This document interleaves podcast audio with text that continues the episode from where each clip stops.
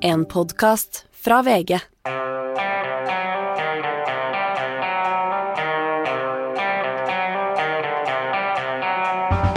Ikke visste jeg at alle disse dagene som kom og gikk, de var selve uke 22. Og da må jeg virkelig si alle disse dagene. Uvanlig lang uke til mai å være, Per Olav? Ja, for første gang så har vi jo ikke hatt noen uh, helligdag uh, på en lang stund uh, til å myke opp uka, så det har vært en vanlig arbeidsuke. Ja, Føles som en filmbuvinter av en, av en arbeidsuke. Været har nesten vært sånn nå. Liksom det kjølige været er kommet tilbake. Det har regnet mye, i hvert fall her på ja. i Oslo. Har det regna nok? Har du funnet ut om det? Det har i hvert fall uh, tatt seg opp ganske bra. Det er ikke sånn at det har fylt opp vannbassengene, tror jeg, eller, eller, eller, vannene. Og det er lav vannstand mange steder fortsatt, på Østlandet, ja. ja men nok til at, liksom, at det er sånn passe grønt og frodig, om ikke annet? Det, er, det blomstrer og det dufter, og det er ordentlig god for, sen vår, forsommer. Ja. Jeg hører at det er, eh, det er veldig bra nordpå. Eh, det skal bli bra her også i helgen, og heldigvis så er det pinsehelg, så er det normaluke neste uke med bare fire arbeidsdager. Ja, pinsedag holder vi fast ved. Det gjør vi. Det gjør vi. Så, så, dette er siste Giæver og gjengen på en stund, og den er åpen og fri, eh, som vi da er på, på fredager. Eh, og vi skal innom litt forskjellige temaer, men eh, først og fremst skal vi snakke om mens vi sitter her, eh, Per Olav, så sitter altså Stortinget og snakker om ja, De vil ikke kalle det amerikanske baser i Norge, men det mener noen at det er. Altså et nye regler for hva skal man si, omforente områder, amerikanske omforente områder i Norge. Hva betyr egentlig det? Ja, Det er fire som, som omforente områder. Det er Sola, Evenes, Rygge og Ramsund.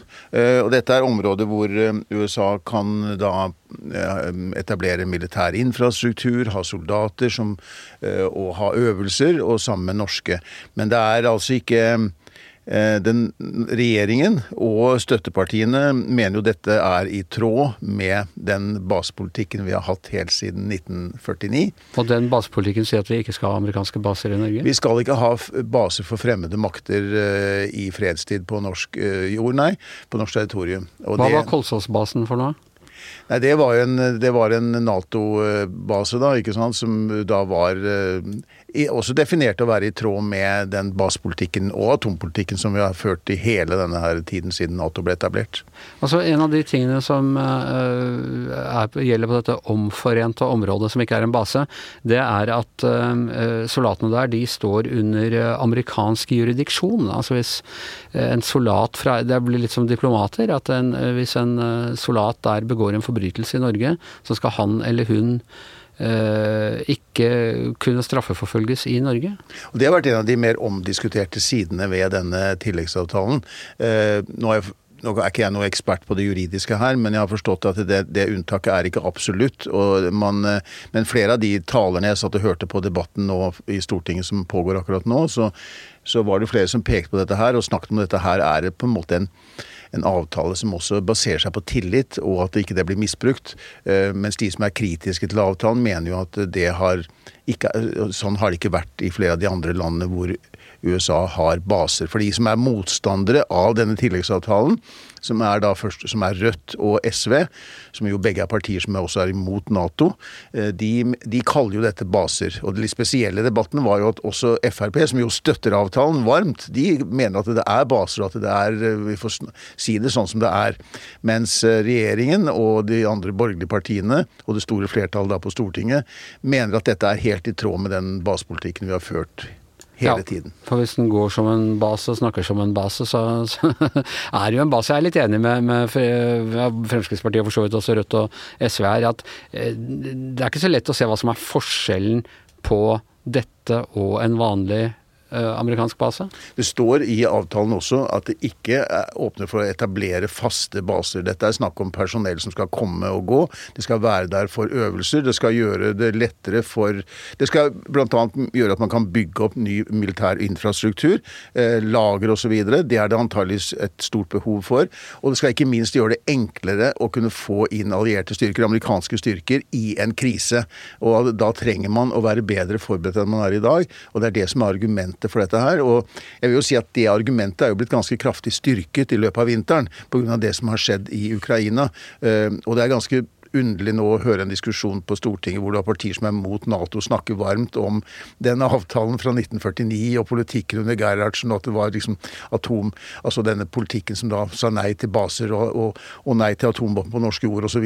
Men dette er jo partier som er, har vært mot samarbeidet hele tiden, og som er blitt til etter at eh, den politikken ble utformet i sin tid eh, etter krigen. Ja, det er, veldig, det er noe bisart over eh, særlig Rødts kjærlighet til Gerhardsen-epoken ja, i norsk politikk, igjen, som på en måte da skal skapte eh, Den var såpass hard i Gerhardsen var såpass hard i klypa at en gjeng eh, meldte seg ut og, og skapte SF, som ble til SV.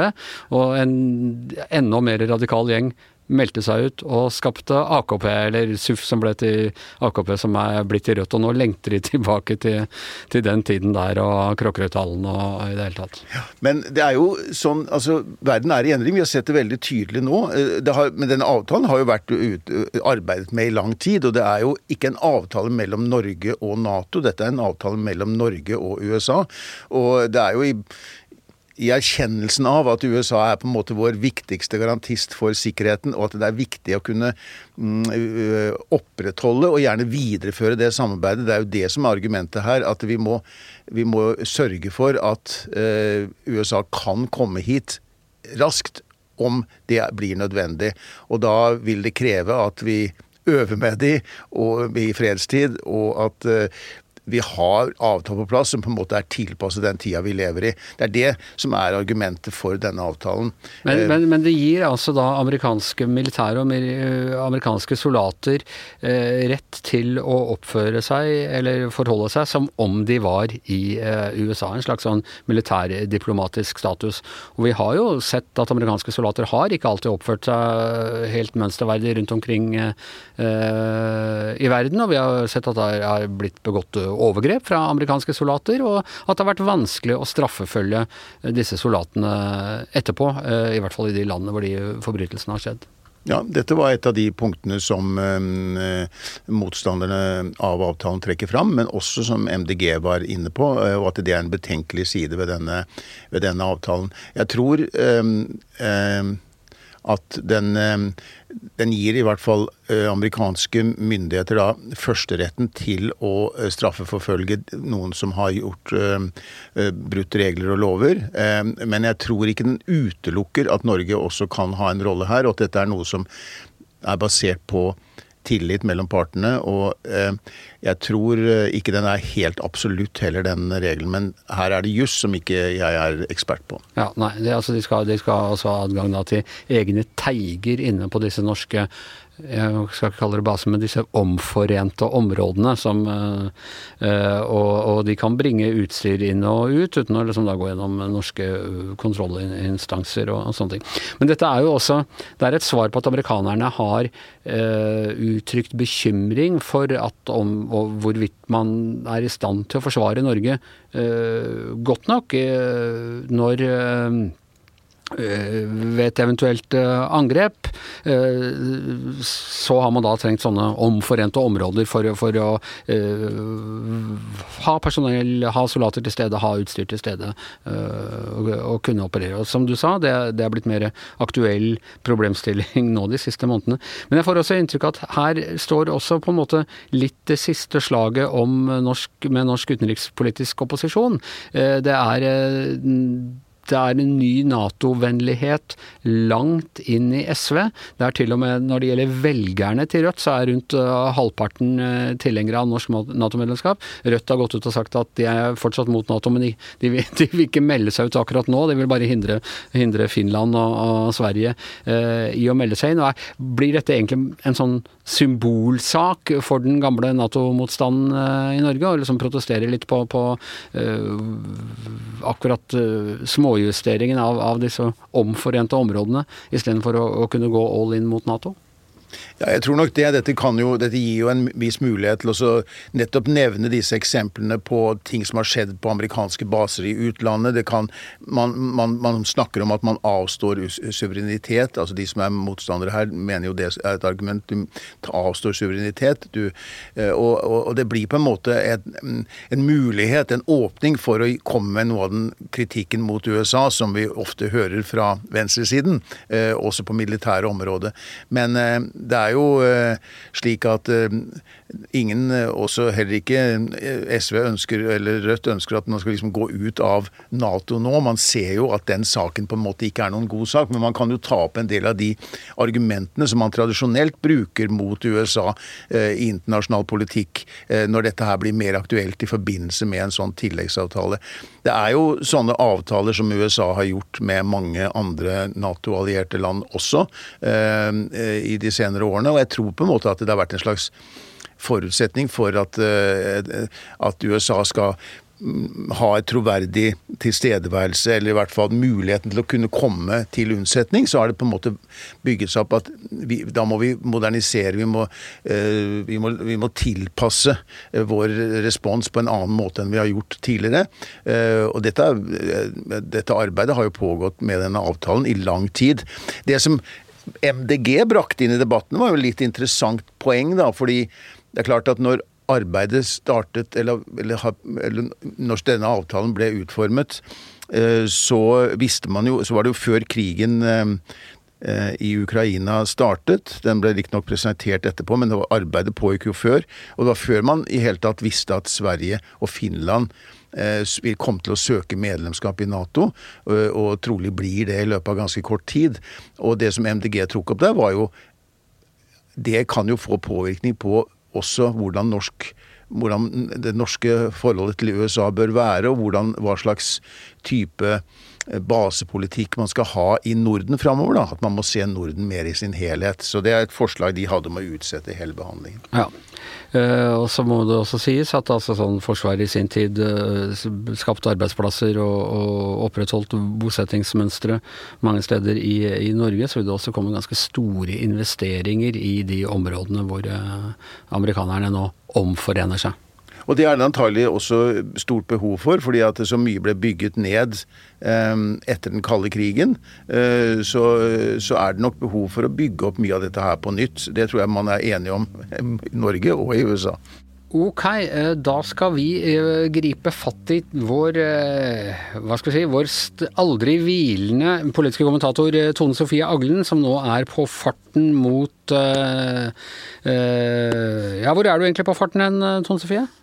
Jeg er jo en globetrotter, Anders, så jeg er selvfølgelig på farten til Trøndelag. Til Trøndelag, eh, midtens rike. Du, eh, du har jo fulgt LO-kongressen denne uka. Vi prata jo i, begynnelsen av uka om, eh, om utspillet til LO-lederen om å få SV inn i regjeringen, men mer har skjedd. Og i går så, så, var det fest og litt av hvert. Og hva, hva står igjen på en måte etter denne LO-kongressen? Nei, jeg vil si eh, sånn politisk, nå har de jo nettopp uh, gjort disse vedtakene sine. Ikke noe overraskende at det ble et uh, kompromiss i utvikle, ikke avvikle oljenæringa-retningen. Uh, alt annet ville vært nesten utenkelig, tror jeg. Men det som er en verkebyll i fagbevegelsen, det er strøm. Nå, nå tapte disse strømopprørerne, men det ligger der. og og mange er veldig opptatt av det, og det kommer flere og flere sånne motstemmer. Så jeg tror ikke Sjøl selv om de ble stemt ned, disse strømopprørerne og industriaksjoner og sånn, så tror jeg det fortsatt vil eh, plage både regjeringa og internt i LO. Det viser vel at, at LO-ledelsen har ganske god kontroll, da, når de, når de klarte å, å, For det var jo mange som, som tenkte at de ville bli overkjørt fra gulvet her? Ja, og det og snakka med en del, særlig de i Rødt-miljøet og sånn. De er jo selvfølgelig de ivrigste pådriverne her. De hadde litt tro på at dette kunne vinne fram, for de opplevde at her var det mer ikke med så bundne delegasjoner som man gjerne gjør. da. Um, så jeg var usikker på hvor mye det påvirka at Jonas Gahr Støre la breisida til, om du kan kalle det det, med å prøve å stagge dette strømopprøret og si at det er helt uaktuelt å gjøre noen ting eh, med den markedsstyringa og kutte kabler. Så, så jeg, jeg, ser nå i hvert fall at det murres ganske kraftig mot også hans innblanding, men som andre nok mener var helt på sin plass. Og uh, LO-lederen selv, uh, hvordan syns du hun har håndtert uh, denne kongressen? Hun fikk jo ikke helt altså Det ble litt mageplask med det, med det for SV inn i regjering. SV hadde ikke lyst, Jonas Gahr Støre virka ikke som han hadde lyst, og Senterpartiet ville i hvert fall ikke. Nei. Nei. og det har jo vært mye spekulasjoner. Hva i alle dager er det der, liksom? Var det for å få oppmerksomhet? Er det for å demonstrere sin egen avmakt? At uh, det spiller ikke noen rolle hva de sier? Eller var det litt det vi også har snakka om, er det litt et forsøk på å ydmyke Jonas litt og si at dette her fikk du ikke til Derom strides de lærde, men det er ikke noe tvil om at særlig i, i regjeringa så er det mange som var rasende over dette utspillet. Men det som jeg syns har vært fascinerende å se på, er den utviklinga som LO-lederen har hatt. Hun kom jo inn på en, en veldig vanskelig måte da Gabrielsen døde uventa og, og veldig tragisk i fjor. og talen hennes på mandag var litt sånn litt gjesp, må jeg nesten si. Bortsett fra dette med SV, så var det liksom det var lite kraft, det var ikke spesielt spennende. Hun framsto ikke som noen retoriker.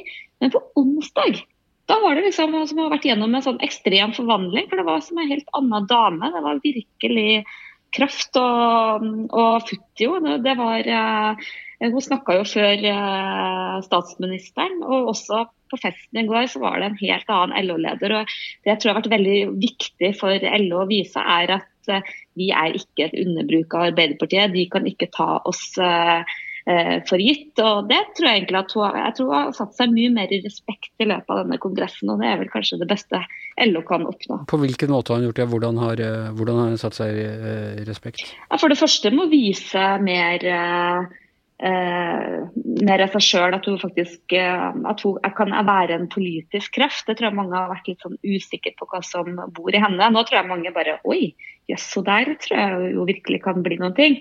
Det andre er den tydeligheten de viser overfor eh, Arbeiderpartiet, f.eks. på dette med SV. Ikke sant? Selv om regjeringa helt åpenbart ikke likte det de gjorde, så gjorde de det likevel. Vi husker jo hadde Tajik-saken og LOs uh, medvirkning der. og Jeg satt også og fulgte debatten etter at Jonas Gahr Støre hadde sin tale. og Det var ganske mange av forbundene som var ganske kritiske til regjeringa. Så det er, liksom, det er vanskelig for dem å liksom balansere. Ja, dette er vår regjering, de har gjort veldig mye bra. men dere kan overhodet ikke ta oss og vår støtte for gitt. Eh, det syns jeg hun har eh, klart å vise gjennom disse dagene. Og i går var det fest? I går var det fest. Og vi har jo sett, vi som har passert på Youngstorget, vi har jo sett at eh, det røykes en del i LO. Og i går ble det kanskje drukket litt også? Det ble nok både røyka og drukket. Jeg har ikke sett så stor renn opp og ned ut, ut, i trappene som siden jeg var på Frp sitt landsmøte. Der er det også ofte lagt inn veldig mye røykepauser, og fint er det. For da får du jo snakka med mye folk når, når, salen er i bevegelse. Men det var en ja, jeg vil si at det var en særdeles artig fest. Jeg skal være litt forsiktig med å å karakterisere underholdninga. For jeg fikk litt refs av en LO-ansatt for å ha vært litt flåsete i en tidligere podkast når jeg kalte underholdninga deres på åpninga for litt politisk korrekt. Ja. Det kan jeg si, det var det ikke nå. Det var Aslaug Borgersrud fra Dagsavisen, en slass på tinget, som snakka. Det var eh, Jonas var der og holdt takk for maten-tale. Og var faktisk eh, ganske morsom, vil jeg si. Og ikke minst så var det Hellbilly som var på scenen. og jeg fikk ikke med meg om de dro den derre Ål stasjon-låta si, men det var eh, jeg tipper de ikke gjorde det. underholdning som traff publikum. Nå trodde jeg du skulle si at det var luksus leverpostei eller noe sånt, men så langt gikk det ikke, altså? Nei, så langt eh, gikk det ikke. Men um, jeg ble vel såpass sein at jeg så at uh, delegatene forsvant ut i Oslo i nattetimene, så jeg skal ikke se bort fra at det ble litt luksus leverpostei uten. Nå sladder du vel dele med bare meg? Nei, nei nå, vi, er jo, vi, er jo, eh, vi er ikke bak mur i denne sendingen, så, men uh, bare si til dere som ikke Hadde det vært bak mur, så skulle jeg kommet med masse juicer-stoff, så det er bare å tegne seg opp på abonnement. Ikke sant. Det er, går til alle dere som fortsatt bare hører oss eh, åpent og gratis på fredager. På, på vanlige dager så bare velter vi oss i den type sladder som vi aldri ville funnet på å, å publisere uten mur.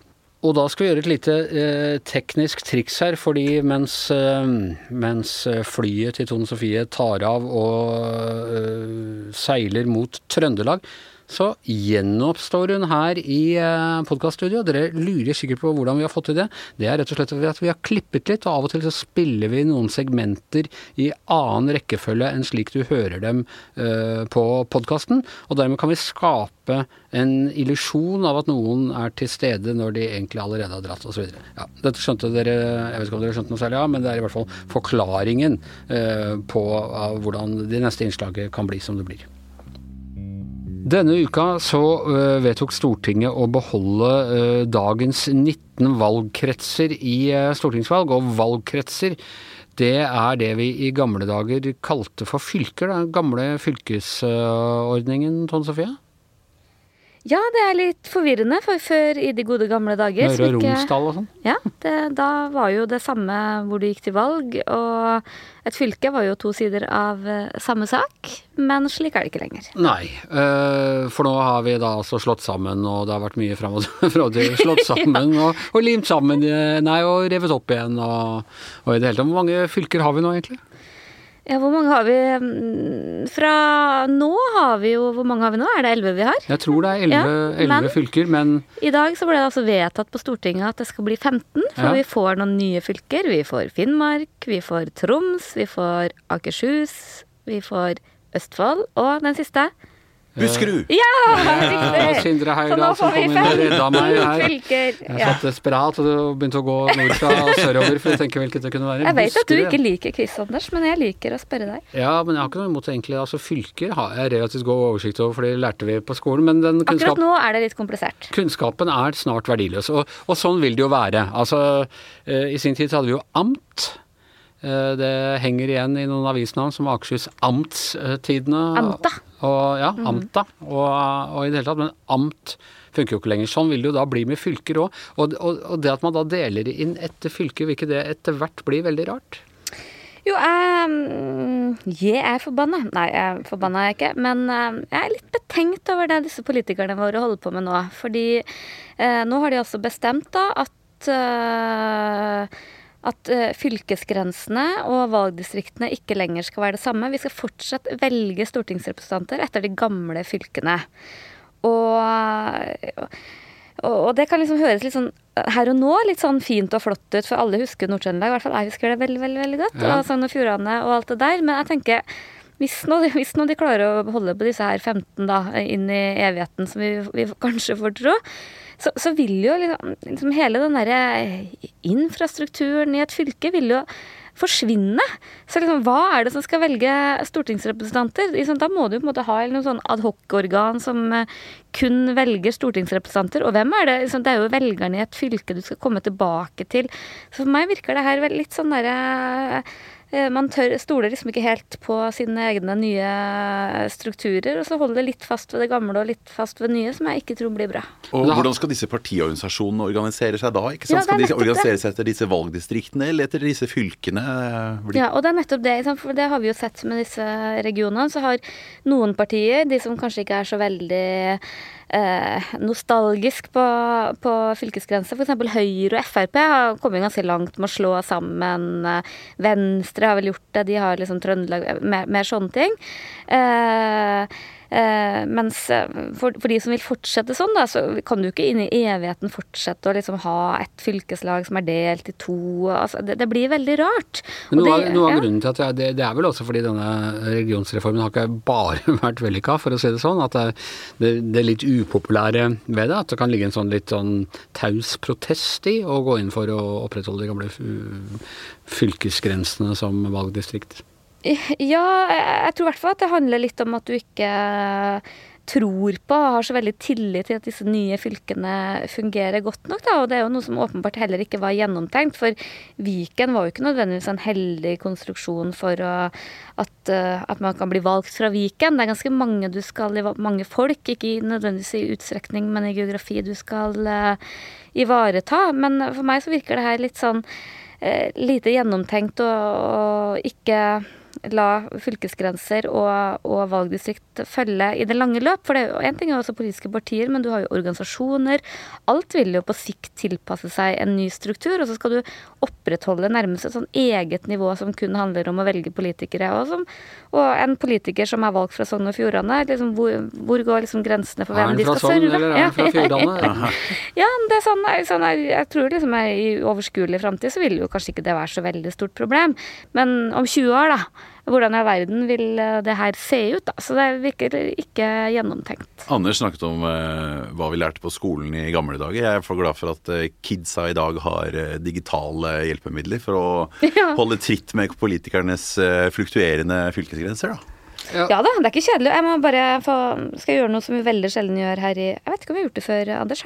bruker vi å sitere fra Aftenpostens ledere? Ja, har du ikke fått med deg det? Hver, hver dag innleder jeg med å lese opp uh, Aftenpostens leder, for den syns jeg er så knakende god og cutting edge. Ja, ja, ja. Stein i glasset, sier jeg når vi rakker ned på andres ledere. Men, jeg rakker ikke ned i det hele tatt. Men i dag så må jeg bare si det, Lederen i Aftenposten, dette er de klokeste ordene jeg har lest derfra. Går kaffepraten i stå? Er det lite å prate om? Fatt mot. Det kan finnes et tema som aldri kan bli kjedelig. Norske fylkesgrenser. Så det tenkte jeg var Dette var en eh, innledning etter mitt hjerte. Det er praten som går i de tusen hjem? Det er det. Aftenposten vet å liksom finne Ikke sant, ikke sant. De har, de har fingeren der inne i, eh, ved, ved kaffetrakteren på, på, jobben.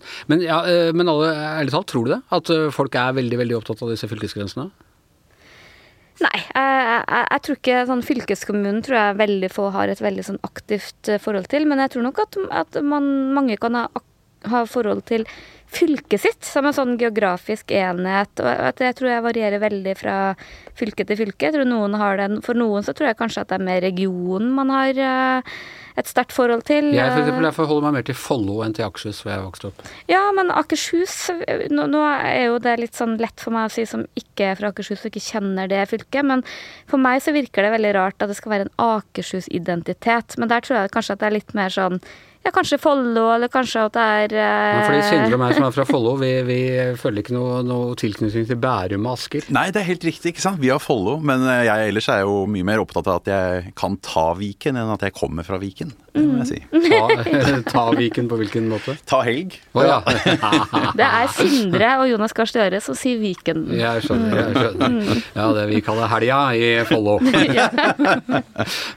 ok, men, men, men, du da, altså, du snakker jo om eh, Nord-Trøndelag og sånn, men det, Trøndelag, du kan har... være raus nok til å føle tilhørighet til Ja, jeg liksom, liksom, du kan jo liksom slå det. Liksom, jeg føler meg som trønder, men jeg føler meg også som, som nordtrønder. Men jeg lurer litt på om jeg er litt skadeskutt eller eh, ødelagt av det at jeg faktisk var fylkespolitiker i Nord-Trøndelag en periode. Og jeg tror har du først vært fylkespolitiker, så er du på en måte ikke Du var amtmann i, i Nord-Trøndelag. Anten. Amtkvinne. Ja. Anten. ja, men dette var før man så, begynte med ja, det, var, det. det skal jeg love deg. Det, det var ikke kommet til Nord-Trøndelag. Jeg er litt usikker på om det har gjort det ennå. Ok, nei, øh, men i hvert fall øh, så enn så lenge så gjelder det derre puslespillet jeg fikk da jeg var liten som var besto av øh, Ja, da var det vel egentlig 20 biter, og så gikk Bergen inn som en del av av Hordaland, så da ble det Du er så gammel, du. Jeg er så gammel, men puslespillet holder nesten. ja. Det holder til, til, at jeg kan prøve å gi det videre til, til, barnebarna enn så lenge. Men om 20 år, da kan politikerne høre tilbake på Gjæver og gjengen og tenke, og tenke, hva var det vi sa? Mm, vi mm. advarte dem. Mm, mm, og da vil også mine etterkommere måtte kassere det puslespillet. Hvem vet, kanskje det blir realiteten da. Det blir et digitalt puslespill, vet du. Det blir digitale puslespill, det er, det er riktig. Strømmepuslespill. Du, eh, Sindre, eh, vi har denne uka, vi har snakket om det i, i flere av utga, eh, utgavene våre, eller episodene våre denne uka, om varemangel og problemer med å få til ting, og Per Olavs eh, elektriske bil som nå er mer verdt nå to år etter at han eh, kjøpte den og sånne ting. Men selve kjernen til alle disse problemene, det har jeg, har jeg lært av deg denne uka, det er noe som heter halvledere. Ja, det er jo mange ting som har virket inn og gitt denne forsyningskrisen i verden, og flaskehalsen og konteinere som ikke kommer frem. Men disse halvlederne er en veldig viktig brikke i det hele. Bokstavelig altså, talt, talt ikke sant? Ja, kjært barn har jo mange navn. Mange kaller det minibrikker også, ikke sant. Smarthjerner, minihjerner. Det er jo de små prosessorene som, fungerer. Er som det det samme som mikrochips? Det vi kalte mikrochips? Ja, ja, ikke sant? Silicon Valley. Ja, Silicon Valley, ja. de får den PC-en du har der, Anders, til å gå rundt, og de får mobilen vår til å gå rundt, og de får eh, bilene til å gå rundt, de får bilene til å stoppe ved rødt lys, ikke sant? At motoren går av. De får eh, speedometeret til å fungere. Eh, de får også våpnene ukrainerne skyter på mot russerne til å, å treffe målet sitt. Eh, de er så sentrale i utrolig mye av våre moderne liv. Og så er det da en stor manko på dem. Eh, og det gir jo så mange problemer. Det bidrar iallfall også til å løfte denne brennhete inflasjonen i mange land. Og eh, det ser ikke ut til å gå over med det første. Ikke nå heller. Er det litt som med pass? Kan jeg bare bryte inn og spørre om det? Bare at kanskje med enda mer alvorlige konsekvenser?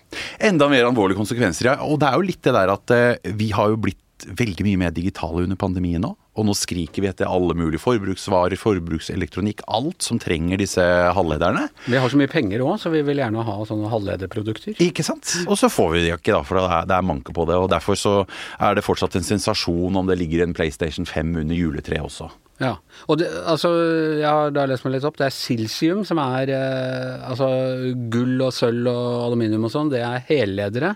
Men dette er altså en halvleder av strøm, rett og slett. Ja, ja. Og det er ganske komplisert å lage de òg. De mest avanserte eh, kan man faktisk kun lage ett eneste sted i verden, på øya Taiwan utenfor Kina, den demokratiske oasen. Eh, og, og de er altså avhengig av masse egne innsatsfaktorer, eh, eh, sånne waferskiver annet. Så det er ikke lett å få lagd nok av dem på noe som helst måte. Og de mest avanserte fabrikkene, de trenger man jo år og milliarder av dollar for å, for å få på plass. Og som vi jo da også vet, eh, Taiwan, eh, nær nabo da til eh, Kina, ikke det aller beste forholdet bestandig. Er dette også et sikkerhetspolitisk problem? Veldig. Og, og det er også der et før og etter 24.2 i år. Fordi eh, det ene er jo verdensøkonomisituasjonen og, og eh, problemene da med å få tak i nok halvledere. Og så har eh, Russlands invasjon av Ukraina bare minnet oss om hvor ekstremt viktig halvlederne også er i krig. Og er det noe som har fungert med sanksjonene mot Russland, så må det være Vestens eh, boikott av eh, å, eksportere Altså eh, Vestens embargo av å eksportere avansert teknologi til russerne, og fremfor alt halvledere. Det er allerede indikasjoner på at det har stoppet noe av Putins krigsmaskineri. Det, det forhindrer han i, eh, i droner, i missilstyrte eh, angrep på, på eh, ukrainerne, så han blir mer avhengig av disse dumme bombene og upresist eh, artilleri. Skulle du si at det var bra, jeg, helt til du kom til disse dumme bombene? Ja, det ikke sant. Mm. Men da treffer han iallfall ikke alltid disse styrkene han skal treffe heller, da. Så Det det er er ikke alltid at de smarte bombene er så smarte de gjelder, men Nei, eh, ikke sant. Og så kommer da denne øya Taiwan på toppen av det hele. Mange tror jo faktisk at Kina en dag invaderer Taiwan, og der er altså den mest avanserte produksjonen i verden. Og disse halvlederne gir en helt ny dimensjon også til en slik konflikt. Vet det her minner meg om en James Bond-film. Ja, det er, ja, det er litt sånn. Nå må vi ta den derre Uh, bare Det har vært en kinesisk James Bond-film, da, ikke sant? Med, med Ja, ja. Blodfeld eh, som kontrollerer Ja, Ja, ikke sant? Og hvor halvlederne på mange ja. Mm. måter er den nye oljen da, for mange, mange land. Men hvorfor er det bare der de Eller det er jo ikke bare der, men hvor, hvorfor Hvorfor er ikke produksjonen av det bedre spredt? Hvorfor har ikke Silicon Valley eller eh, Det er et uh, veldig godt spørsmål. og eksempel, eh, så er det en god del produksjon av halvledere også fra Intel i USA. eh, fra eh, sørkoreanske Samsung. Norge har faktisk også litt produksjon. Men det er ingenting som kan matche den avanserte produksjonen eh, i Taiwan. Og det er litt fordi at mange ikke så tidlig nok hvor viktig disse halvlederne ville bli i en moderne økonomi. Og Intel f.eks. fikk tilbud av Apple i sin tid om å produsere en del av disse avanserte mikroprosessorene i iPhone. Intel takket nei. Taiwan Semiconductor tok over, og de har nok ikke angret siden. Men det er altså at eh, den teknologiske know-howen er rett og, kapabiliteten er bedre på Taiwan, men det er mulig for resten av verden å, å ta igjen utviklingen der på en eller annen måte? Absolutt. Og for tiden investeres det jo enorme beløp eh, i å få opp halvlederproduksjonen. Og Kina og USA leder an i det kappløpet. Men det vil altså ta lang tid ennå. Og nå ser det vel ikke ut til om vi kan få en sånn ordentlig god bedring før eh, sannsynligvis tidligst i 2024. da. Ja. Så det ikke, blir ikke noen ny PlayStation uh, før det, for da, da Da trenger mor og far alle halvlederne til smartbomber uh, istedenfor å gi, gi Ikke sant? koden dataspill. Og til elbilene, så det vil dryppe ut litt PlayStation, men eh, nok til å fylle behovet blir det nok neppe på de nærmeste par årene. Nei, så dere får eh, smøre dere med tålmodige tunger. Og med det så er eh, Giæver og gjengen eh, over eh, for i dag. Tusen takk til Sindre Heyerdahl, tusen takk til Tone Sofie Aglen, tusen takk til Per Olav Ødegaard. Jeg heter Anders Giæver, og mannen som sørger for at vi alle er omforente i denne podkasten om det vi snakker om, det er som vanlig produsent Magne Antonsen. Du har hørt en podkast fra VG. Ansvarlig redaktør, Gard Steiro.